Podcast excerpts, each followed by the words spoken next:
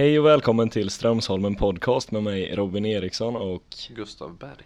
i den här podcasten pratar vi med olika anställda på företaget Strömsholmen och försöker lära oss mer om vad olika personer gör på företaget. Nu har vi med oss Jonas Klang. Hej och välkommen. Hej, tack så mycket. Vad jobbar du som på företaget? Eh, jag har väl två roller kan man säga. Eh, dels eh, strategisk produktchef, det vill säga jag ska fundera lite kring vad lite mer långsiktigt, kanske 5 till 10 års sikt, vad är det för produkter vi eh, borde utveckla. Eh, så det handlar mycket om att försöka ta reda på vad, vad kunderna vill ha, vad, vad som skapar värde för kunderna och, så där, och sen försöka omsätta det i idéer vad gäller produkter eller tjänster. Eh, den andra biten är innovationschef Eh, och då eh, Eh, har våra ägare, Barns, då, ett eh, innovationsinitiativ som de driver sedan, mm, kan det vara tre, fyra år tillbaka. Där man vill öka innovationsförmågan i bolagen eh, i koncernen. Och då är jag säga, deras representant på Strömsholmen då, för att jobba med den typen av frågor. Så det kan innebära allt möjligt från att kanske skapa processer för hur vi kan ta vara på idéer eller skapa eh, samarbetsformer för att få eh, kanske bredare kompetens som eh, behandlar olika frågor eller sådär. Någonting sånt. Mm. Mm. För att lära känna dig bättre så kör vi några personliga frågor nu. Hur okay. gammal är du? 49 år. Har du någon favoritfilm eller favoritbok? Jag har ju en favoritfilm och det är ju Leningrad Cowboys Goes America. Eh, den är ju ganska gammal i det här laget men uh, den har satt uh, rätt djupa spår i mig. Så det... Hur gammal är den? Oj. Uh, kan det vara tidigt 90-tal, sent 80-tal? Nå nå någonstans runt 1990 där kom den. Så det är ju det finska bandet Leningrad Cowboys då som gjorde en film om hur de reser till Amerika och försöker lyckas där borta. Okay. Ja. Har du någon favoriträtt? Uh, oj. Um, jag får nog säga färska räkor tror jag. Uh, väldigt enkelt men fantastiskt gott i sin enkelhet. Mm. Något eh, favoritresemål alternativt drömresemål eller både och? Favoritresemål? Jag reser ju en del i jobbet. Uh, och ganska mycket till USA. Um, så jag vet inte, men jag vet inte det kanske är ett favoritresemål. Um, vi har i familjen utvecklat en uh, kärlek för uh, berg och dalbanor. Så det skulle väl kanske vara någon schysst park med berg och dalbanor. Jag vet inte, Cedar Point i, i Ohio i USA kanske. Mm. Världens största ligger i Abu Dhabi tror jag. Är det så? Ja, då kanske man skulle resa dit istället. Har du haft någon förebild i livet? Eh, min mamma skulle jag nog säga faktiskt. Har varit en en ganska stark förebild. Hon flyttade hemifrån ganska tidigt eh, och utbildade sig till sjuksköterska och jobbade väl som det under större delen av min uppväxt men bestämde sig sen för att hon ville fortbilda sig så hon började läsa på komvux. Eh, vad kan det ha varit? I 40-årsåldern kanske. Eh, och ja, fick chans att ta lite andra jobb inom sjukvården och, och bestämde sig till slut för att doktorera. Och när hon var 55 så tog hon sin doktorsexamen. Och den tog hon på ja, knappt fem år samtidigt som hon jobbade heltid. Då. Och hon hann bli docent faktiskt innan hon gick i pension. Då, så att jag tror det är en förebild för mig. Har varit en stark förebild. Stark och, och har haft drömmar och lyckats nå dem genom eh, ja, hårt arbete. Hon är väldigt jordnära och sådär. Så, så att eh, det får nog bli henne. Mm. Vart bor du? Vart, vart växte du upp? Eh, just nu bor jag i Bergslussar strax utanför Linköping. Jag brukar säga att jag bor i Linköping men många som bor i Linköping tycker att jag bor i Bergslussar. Så att jag, ja. Eh, har egentligen ingen koppling alls dit. Jag är född i Karlstad och bodde där eh, mina första nio år. Och sen innan vi flyttade till Linköping så, så mellanlandade jag i, ja vad kan det varit, 30, drygt 30 år, 35 år i Stockholm då. Bodde i Tä- Täby på norra sidan av Stockholm.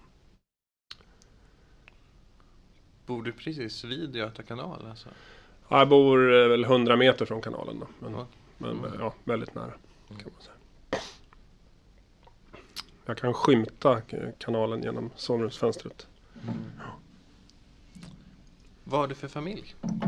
Eh, Jag har en fru eh, och två barn. En dotter eh, som heter Ebba som fyller 13 här om några veckor. Och en son som heter Emil som precis har fyllt 11.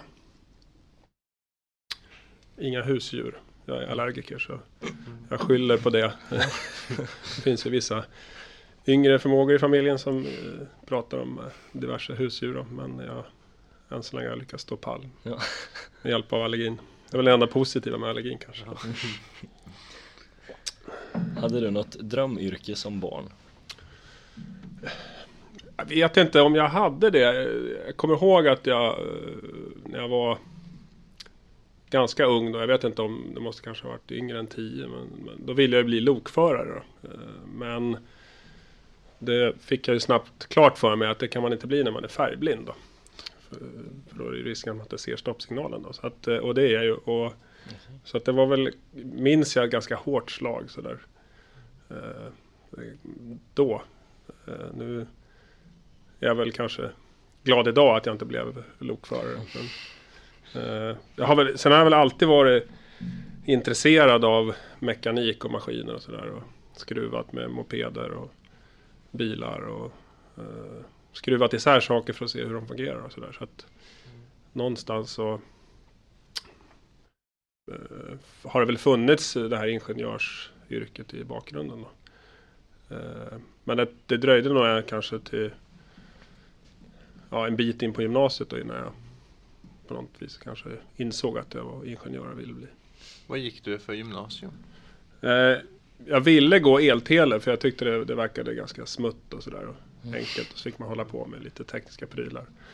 Eh, men då eh, övertalade väl pappa mig att, att läsa teknisk linje då, istället. Som dessutom då var eh, högskoleförberedande. Så att, ja, det, det är jag väl glad för idag. Och vad hände efter gymnasiet? Eh, Då hade jag väl inte riktigt betyg så jag tog mig in på högskolan så jag började faktiskt jobba. Jag, de flesta av kompisarna gjorde ju lumpen då, men jag hade simmat till mig en njurinflammation som, som försvaret inte ville ta ansvar för. Så jag fick välja om jag ville bli malaj eller slippa och då valde jag att slippa. Eh, Trots att min eh, far var översta första graden. Eh, Men han höll väl kanske med om att malaj var inte så mycket att trakta efter. Då. Så att så ja, på den tiden kunde man ju jobba då och få eh, extra, eller, eh, poäng och lägga till betygen. Då. Så då jobbade jag i två år eh, på Lexikon som ju väl fortfarande finns kvar idag. Som, precis som nu, eller då som nu, så höll de på med utbildningar inom eh, da- datorer då, eller programvara. Eh, Excel, Word eh, och sådana här grejer. Och där jobbade jag som ja, lite allt i allo. Jag, jag ställde i ordning kurssalar och packade kurspärmar och eh, åkte till posten för att skicka iväg alla pärmar som skulle skickas till olika utbildningar eh, runt om i Sverige. Eh, så det gjorde jag i två år tills jag hade tillräckliga poäng för att komma in på högskolan. Och vad valde du för högskola? Eh, jag valde att läsa på maskinsektionen eh, på KTH. Eh, jag sökte farkost som det väl hette då eh, i första hand. Och var reserv eh, där när jag började på maskinen. Men sen tyckte jag det var så fantastiskt roligt på maskin så då när jag väl fick erbjudandet efter ett par veckor att byta till farkost så valde jag faktiskt att strunta i det. Och det var väl mest kanske för att det var så fantastiskt kul eh, nollning eller mottagning där. Så verkar vara så positiv och, och glad stämning bland alla människor. Och så där, så det var väl det som gjorde. Jag är ganska social av mig så att det var väl det som fick avgöra i slutändan. Eh, att det blev maskin då, men ja, det är inget jag ångrar idag. Och maskinutbildningen, var det en treårig då? Eller femårig? Den var fyra och ett halvt år på den tiden. Okej. Mm. Eh, Så det var, men det var en mastersexamen. Då. Så jag läste maskinkonstruktion som specialinriktning då, eller högre kursinriktning. Eh, vilket var, det låter ju ganska bra, men det var en väldigt märklig högre kurs där vi eh, bland annat gick igenom eh, märkliga tillverkningsmetoder såsom sprängformning. Eh, och vi tittade väldigt mycket på patent och framförallt på patent som var godkända men inte fungerade. Eh, och jag vet inte riktigt vilken nytta jag haft av de här kunskaperna i livet men inte jättemycket kanske. Vad innebär sprängformning? Ja då, då har man en bottenform och så lägger du en plåt liksom eh, ovanpå den och sen så har du oftast vatten ovanpå det. Och sen så kastar du i en, en dynamitgubbe i den där vattnet. Och så, eller en stor elektrod som, som är kopplad till världens kondensator som du stoppar ner i vattnet. Så att det smäller utav helvete och så eh, formas plåten efter bottenformen. Då. Okay.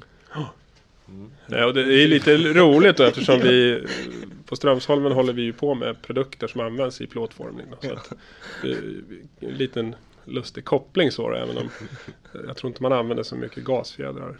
Det kanske man gjorde i och för sig. De behövs väl även där för att hålla plåtkanten då när, när det sprängformas. Men eh, här på Strömsholm har jag aldrig råkat ut för eh, att vi har sålt eller att jag har kommit i kontakt med någon sån applikation när jag. Eh, men en vacker dag kanske. Började du på Strömsholmen direkt efter att du kommit ut från universitetet? Uh, nej, jag började på Flykt, som det hette då, i uh, Sundbyberg i Stockholm. Uh, som trainee.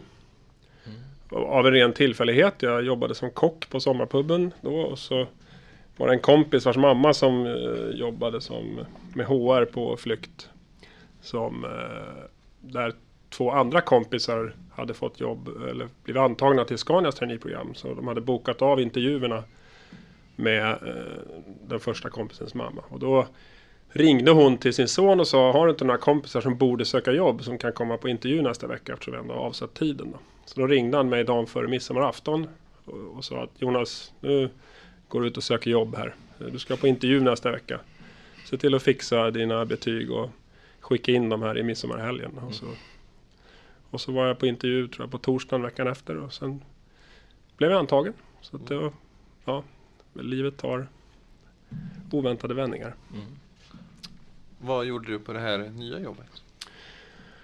Eh, traineeprogrammet innebar väl att jag var runt på en massa olika ställen. Då. Eh, men jag, min bas var egentligen eh, R&D då, eller Research and Development. Eh, Eh, men jag, var även, jag jobbade på fabriken i Emmaboda ett halvår. Jag jobbade på säljbolaget i Kanada ett halvår. Så jag såg lite olika delar av verksamheten då. Eh, men sen efter traineeprogrammet så började jag som konstruktör eh, på Flykt då och jobbade med ja, dränkbara pumpar. Mm. Mestadels bajspumpar. Mm. Alltid lika roligt när man går på bröllop och sådär. Eller då var det roligt när folk frågade vad man jobbade med. Så förklarade man att man jobbade med bajspumpar och då var det kanske någon annan som var mer intressant att diskutera med ordet än... Men det är alltid kul att provocera lite och, och se om de brydde sig om sådana bagateller eller inte. Ja. Ja. Um, hur länge har du jobbat på Strömsholmen? Uh, jag började hösten 2008 då, så det blir nio år va? Just det. Ja. Var det något mer, eh, några fler emellan? Eh, flykt ja, jag, och... ja, egentligen var jag på flykt uh, Fram till jag bestämde mig att börja på Strömsholmen. Då. Men jag mm. hade lite olika roller. Eh, efter att jag jobbat som konstruktör har jag jobbat som projektledare. Sen som gruppchef eller ansvarig för eh, projektledarna.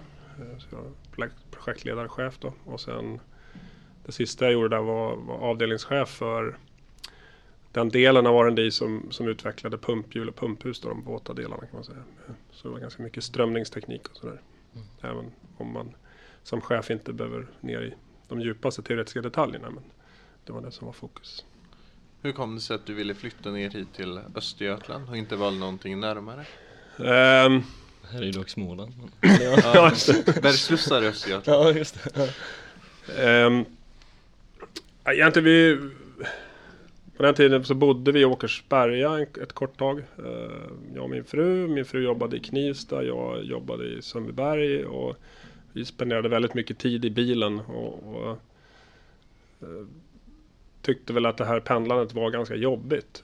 Så vi hade väl liksom ingen plan så att vi skulle flytta på oss mer än att vi hade diskuterat att vi kanske var öppna för det. Sen råkade jag av en tillfällighet se en annons i Ny Teknik då de sökte en utvecklingschef till Strömsholmen. Då.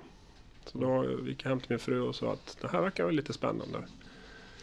Och jag tror det som liksom eh, fick mig att uppmärksamma eh, annonsen var väl att vdn hade skrivit ut sitt direkttelefonnummer i annonsen och det tyckte jag verkade vara något väldigt positivt. Så jag, jag ringde faktiskt honom eh, för att fråga lite innan jag skickade in ansökan. Men då visade det sig att han var i USA på resa och skulle komma hem eh, två veckor senare, vilket var efter att ansökningstiden gick ut. Så Mhm. Jag hade inte så stor nytta av telefonnumret, men det gav, det gav en positiv bild av företaget. Mm. Den lilla grejen. Så, att, så det är en re, var en ren tillfällighet och så ja, var jag nere och på intervjuer och sådär. Varav en gång fick jag ta med min dotter för att jag hade lyckats bryta benet på henne på långfredagen eh, 2008 när jag skulle bära henne ner för trappan hemma och halkade och landade på hennes ben. Så att hon var gipsad från ja, hälen till höften. Så att jag fick ta med henne hit på intervjun så det var också lite speciellt sådär.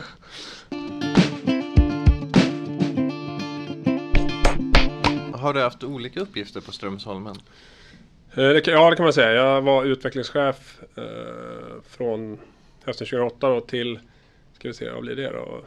Ja, november 2015 egentligen va? Tror jag. Ska vi se om jag räknar rätt. Ja. Och efter det så, så bytte jag tjänst då till den här nya eh, kombinerade rollen som strategisk produktchef och innovationschef. Då. Så att det här är min andra roll på bolaget då. Kan man säga. Vem har din gamla roll? Eh, Pia Sander har min gamla roll. Och vad är den stora skillnaden mellan de två posterna? Eh, jag skulle säga eh, att idag jobbar jag väldigt lite operativt, alltså med det dagliga, eh, dagliga operativa. Vilket var ganska stort fokus som utvecklingschef. Då. Naturligtvis lite blandning men Eh, vi driver ju rätt mycket projekt samtidigt och så, här, så att en stor del av tiden gick åt att hantera det dagliga med resurser till projekten och, och så. Eh, naturligtvis en, en del strategiskt arbete också men nu Just nu är det ju väldigt lite dagligt operativt. Utan väldigt mycket sitta och tänka och fundera och, och samla in kunskap och sen försöka översätta det till nya idéer. Eh, så det är väl den största skillnaden. Trivs du bättre nu? Ja, jag trivs bättre. Jag tror, eh, jag tror att jag är bättre i den här rollen eh, än vad jag var eh, på min tidigare roll. Eh, det är väl också kanske lite sådär faser i livet. Jag tyckte det var väldigt roligt att vara operativ chef också. Men med åren så har, jag, har mitt intresse för att förstå kunder och vad som är värdefullt för kunderna ökat hela tiden. Då. Så därför eh, känns det jättespännande och kul i den här nya rollen. Vad är då det roligaste med ditt jobb? Oj! Fan, här borde man väl kunna bara sådär rakt av. Det roligaste med mitt jobb är väl att få, få bryta mönster. Eller alltså få, egentligen har jag ju utrymme att skapa väldigt mycket idéer och sen kunna utvärdera dem. Då. Och det roligaste är väl att det finns ganska lite begränsningar i, i vad idéerna handlar om så att säga. Naturligtvis har vi en strategi och vi har liksom ett antal affärsområden som vi jobbar med.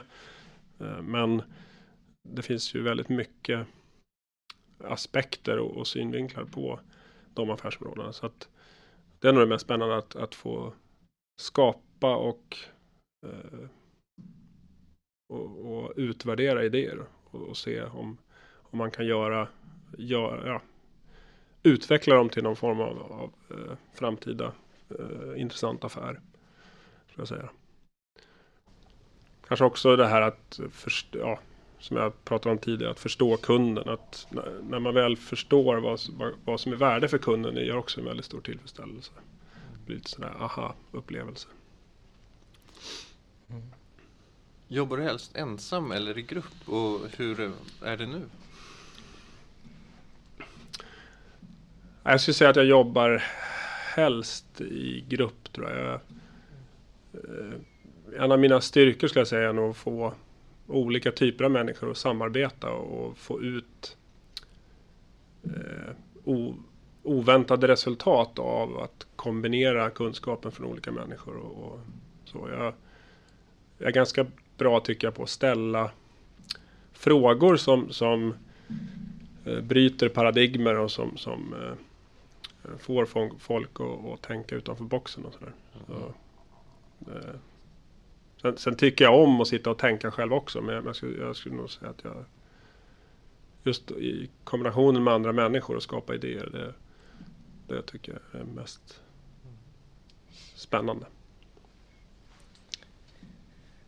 Um, hur skulle du beskriva dig själv som person? Jag skulle beskriva mig själv som ja, eh, ja, öppen för uh, nya influenser. Jag älskar att uh,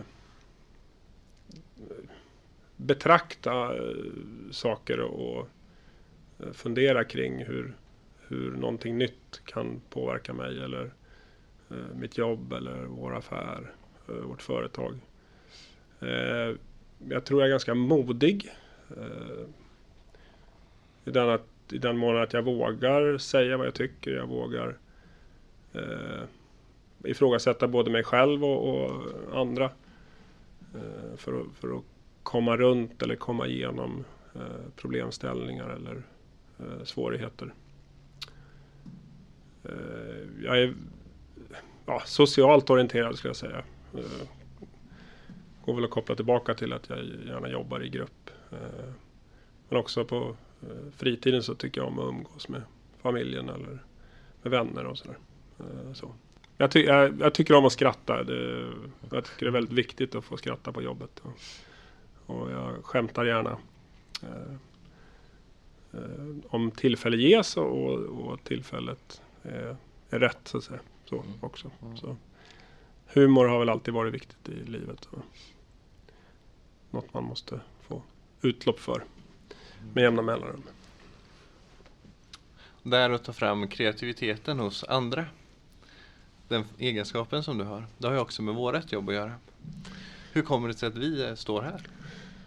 Eh, ja, det är ju en intressant fråga. Eh, från början så handlar det egentligen om att när jag var utvecklingschef eh, och hade min sidekick eh, Fredrik Ekman och vi jobbade ihop så, så upplevde vi att vi hade väldigt svårt att, att rekrytera när vi skulle rekrytera ingenjörer och konstruktörer.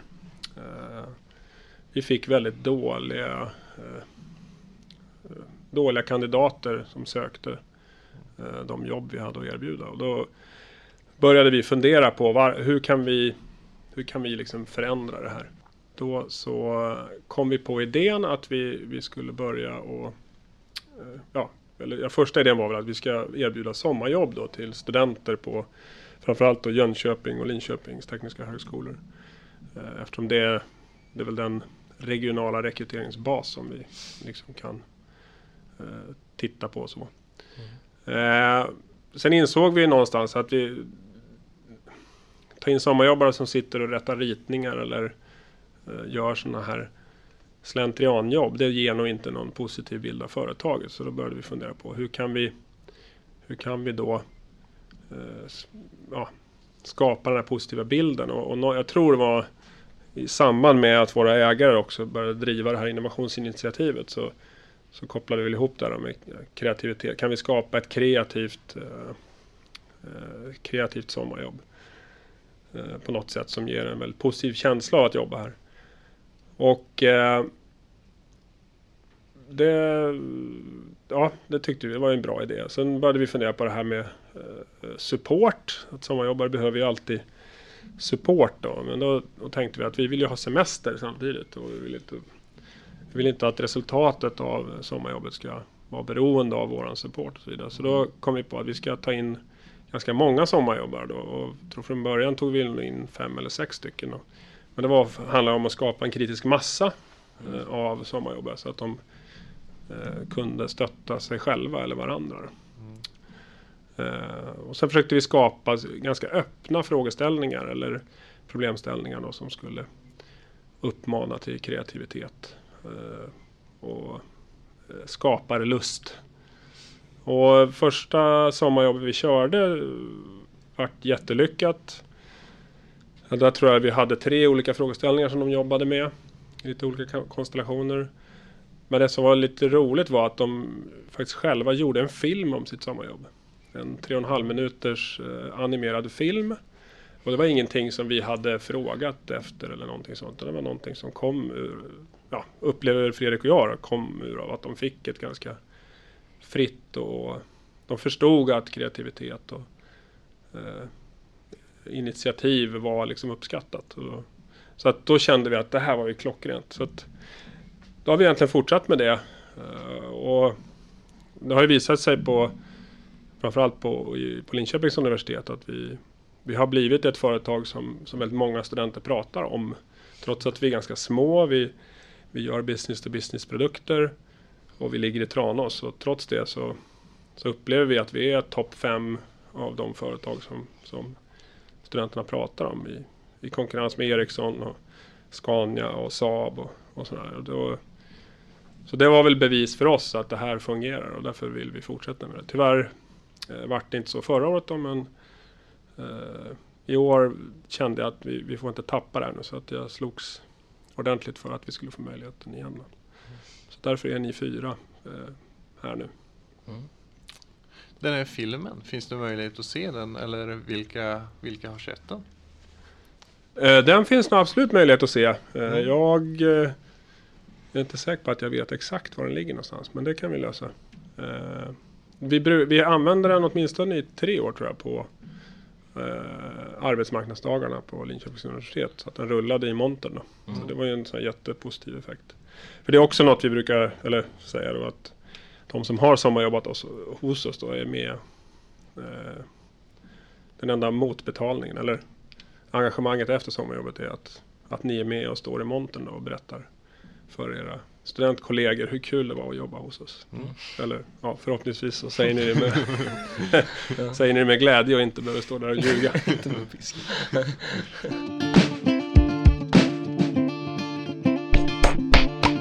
ja, nej men det var en mm. spännande idé helt mm. enkelt.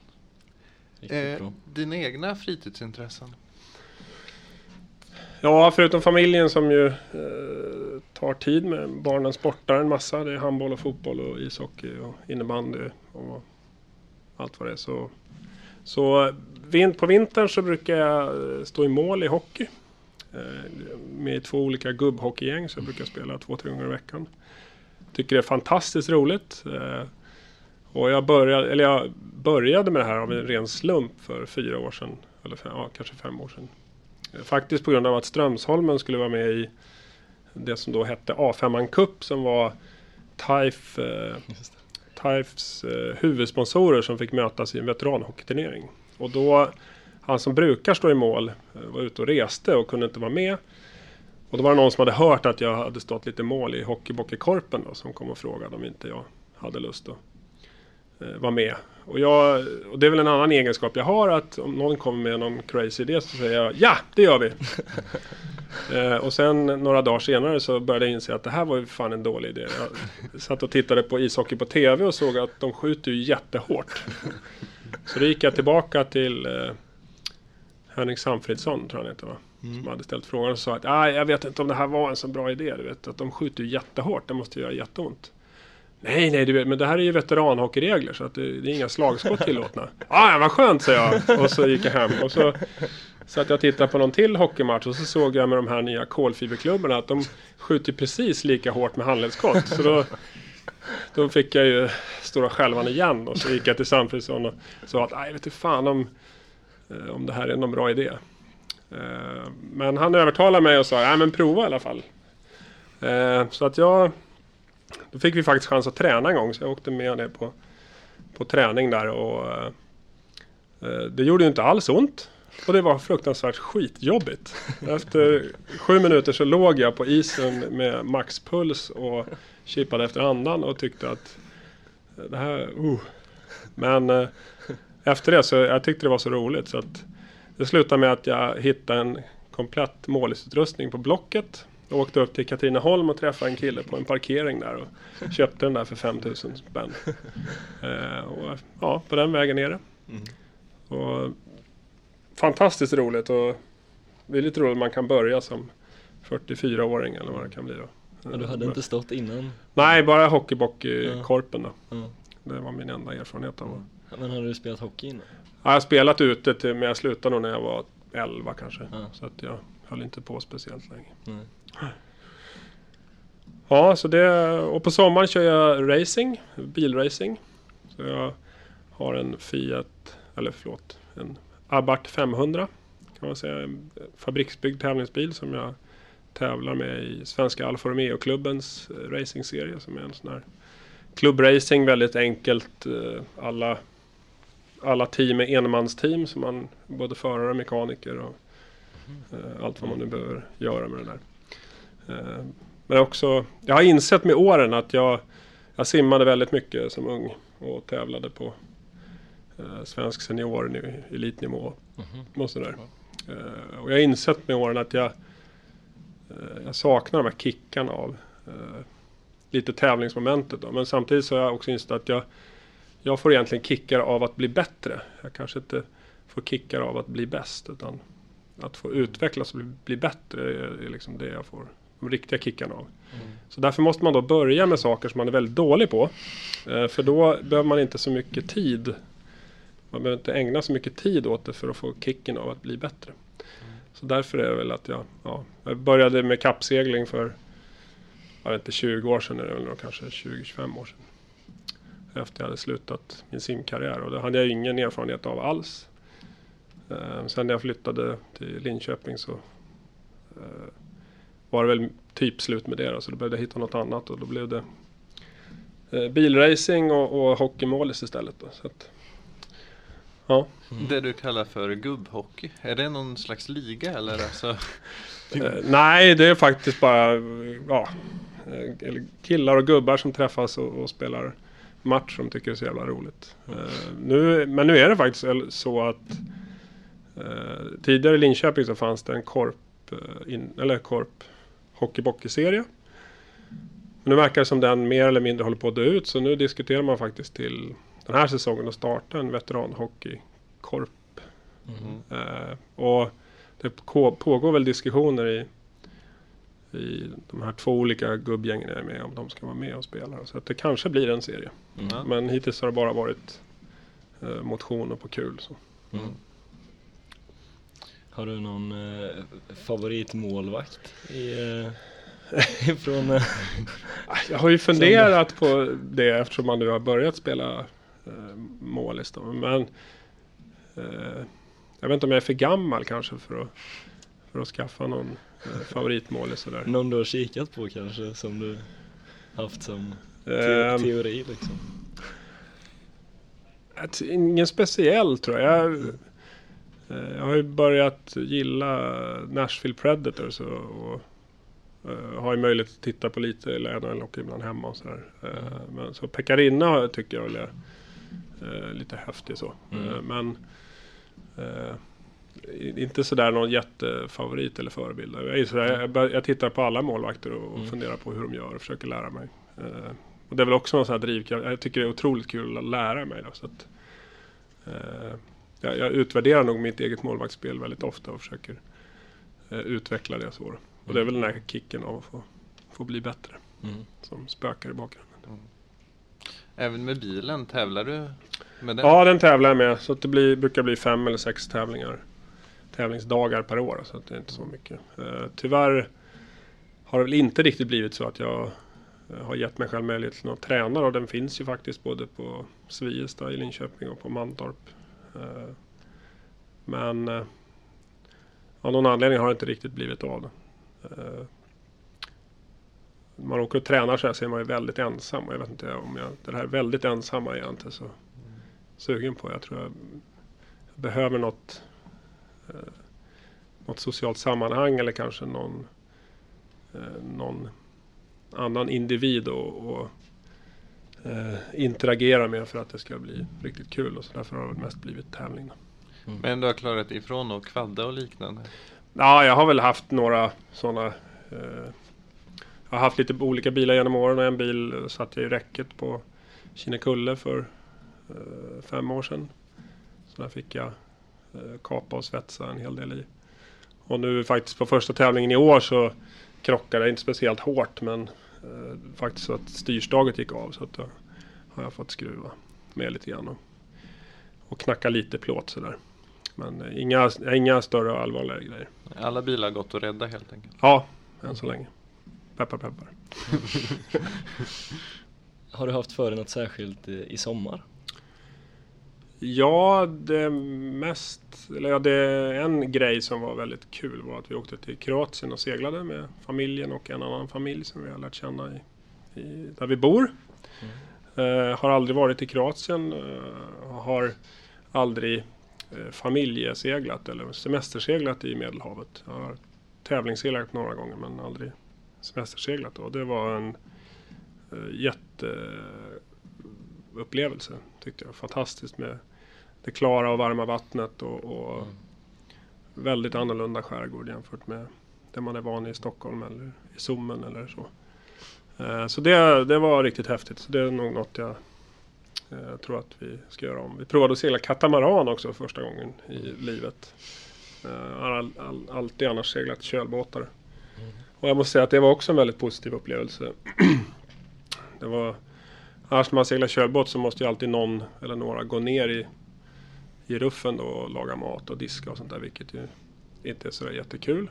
Eh, Men seglar du katamaran då är allt sånt i samma både sittbrunn och styrplats och, och kök och allt sånt där är på samma nivå. Så att då, då kan man ha det sociala umgänget hela tiden, då, vilket var väldigt trevligt. Och stod man och lagade mat och diskade så hade man väldigt trevlig utsikt också vattnet och skärgården och sådär. Så att det, ja, det gillar jag. Var ni land en del och såg Kroatien också?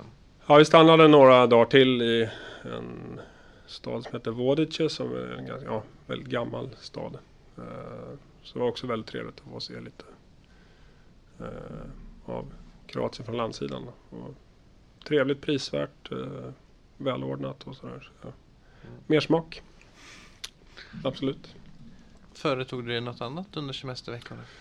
Eh, inga större grejer. Vi var på Kolmården och åkte Wildfire 11 gånger. Ja. Det var väl kanske det var en kul grej också. Frugan har inte... Vi var där, jag var där förra året med barnen, då åkte vi 17 gånger. Eh, men frugan var inte med då, så hon ville åka. Så att då var vi där. Det var väl lite mer folk den här gången, så det var bara 11 åk.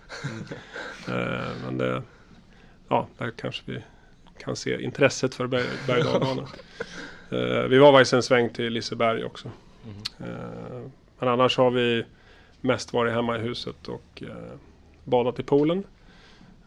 Var väl en sväng till Öland också med, på, med sonen på fotbollscup. Det hör ju till sommaren också. Så, så att, ja. Vilken tycker du bäst om utav Helix och Wildfire? Oj, den var svår.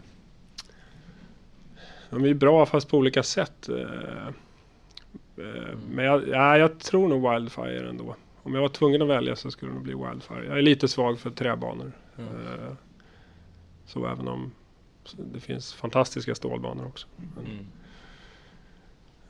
Vi var på för- förra året på Six Flags i New Jersey med familjen på höstlovet och åkte Nitro. En sån här jättestor stålbana och den var också helt fantastisk. Så att, eh, ja, men nej, jag skulle välja Wildfire. Mm. 80 graders lutningen är inget problem. Nej, den är bara fantastiskt skön. ja, det är, kul för att alla i familjen gillar det. Så att, eh, därför är det extra kul då, när vi kan göra det tillsammans. Mm. Och nu laddade på den nya Lisebergs Den nya banan på Liseberg eh, Den ska väl vara eh, 90 graders lutning på Ja, just det. jag. Jag såg Vet inte vad den ska heta Nej. Nej, just det. Det läste jag någonting om. Ja. Eh, ja, just det. Men jag tror man kunde åka den uh, virtual reality när vi var där. Jaha. Jag, jag provade aldrig det så jag har inte sett hur den kommer att se ut. Vad har du för framtidsutsikter? Oj. eh, tänker vi jobbet eller Strömsholmen eller? Ja, eh, Allt överlag kanske? allt överlag. För att Ja, på förenkla strö, om vi tar Strömsholmen först så nu har jag sista halvåret har jag jobbat väldigt mycket med eh, Internet of Things och funderat Mm. kring eh, hur vi skulle kunna utnyttja den nya teknologin då. Eh, och det är också därför en, som skälet till att det är en del av exjobbet då. För, eller exjobbet, en del av sommarjobbet. Eller Mm. det ni gör är ju egentligen att titta på hur kan man använda digitala lösningar för, för att skapa värde på olika sätt. Då.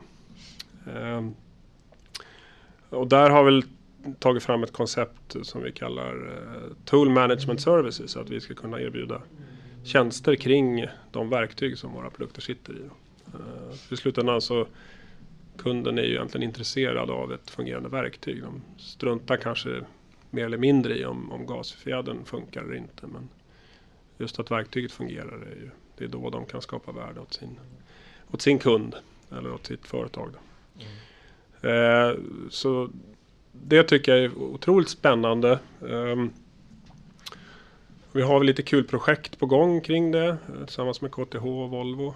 Eh, förhoppningsvis även GM under hösten här. Eh, så att det tycker jag är en väldigt spännande del av framtiden att se om vi kan skapa, skapa nya affärsmöjligheter med, med hjälp av, av den här nya teknologin. Mm. Eh, och, och, och där trivs jag väl också i min roll så. Där jag eh, ju utvärderar och funderar kring hur, hur vi kan använda olika teknologier för att skapa värde för kunden. Och Sen kanske jag inte i slutändan blir involverad i det operationella för att, för att genomföra det sen. Men, så att jag, jag kan nog tänka mig att stanna i min roll eh, flera år till då, och fortsätta att jobba med den här typen av frågor då, som jag tycker är väldigt spännande. Och skulle vi ge oss in i det här området så, så tror jag också att det finns otroligt mycket att lära eh, tillsammans med kunderna. Och, och vi har nog, det finns nog många år framöver som vi kan eh, fortsätta att utveckla eh, det området och skapa eh, ännu mer värde för våra kunder förbättra vår konkurrenskraft. Är det mest på jobbet eller skaffar du eh, smarta produkter hemma också och testar? Ja, eh, jag har ju, jag, eftersom jag är ju mekanist då eh, från början och har ju egentligen aldrig hållit på med elektronik eller datorer och sådär. Så har jag ju faktiskt börjat att jobba lite med eh, hemautomation då för att lära mig eh, så vad, vad man kan använda sådana här saker till. Då. Så att jag, vi har numera inga nycklar till dörren utan vi eh, låser och låser upp med mobiltelefonen. Och, eh, lamporna eh, tänds och släcks när ljuset är därefter. Och tvättmaskinen som står i källaren skickar ett textmeddelande när den är klar. Så att man vet när det är dags att gå och hänga tvätten och sådär. Så att jag håller på att testa lite sådana saker. Jag tycker det är kul att lära mig men också så passar det in med, med det jag gör på jobbet nu. Att försöka förstå vad, vad man kan göra med, med att koppla upp saker trådlöst och samla in data och sådär. Mm. Och hur man kan skapa kunskap och nytta med den typen av teknologier. Så det tycker jag är jätteskojigt. Min fru kanske inte är lika imponerad. eh, Men eh, man märker väl att många system är ju inte Det är inte så plug and play kanske som man skulle önska. Eh, Speciellt som mekanist då. Så att och det är väl det kanske min fru stör sig på. Att det, det funkar ju inte alltid eh, så som man har tänkt sig. Så. Eh, eller som igår när sonen ringde hem. Pappa kan du öppna dörren? Min, eh, min telefon har loggat ut sig från appen. Jaha. Okej, ja, jag öppnar dörren då.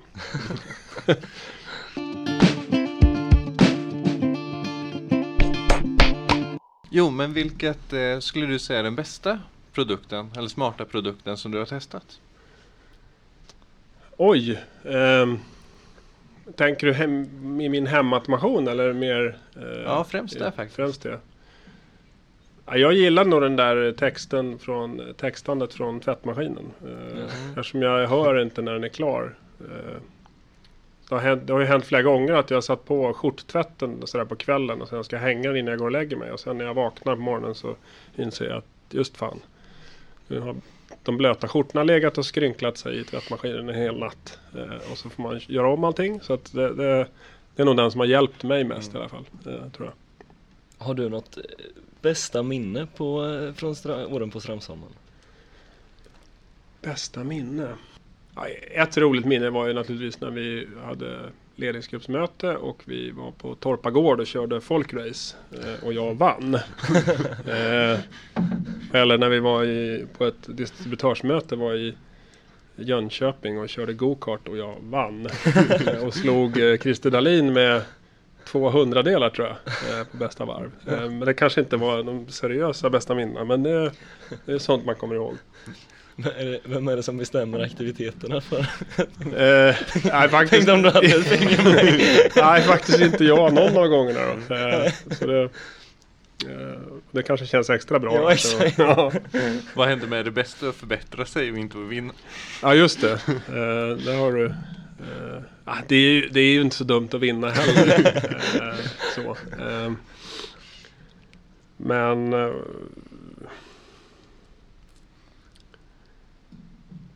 Ja, vad kan man...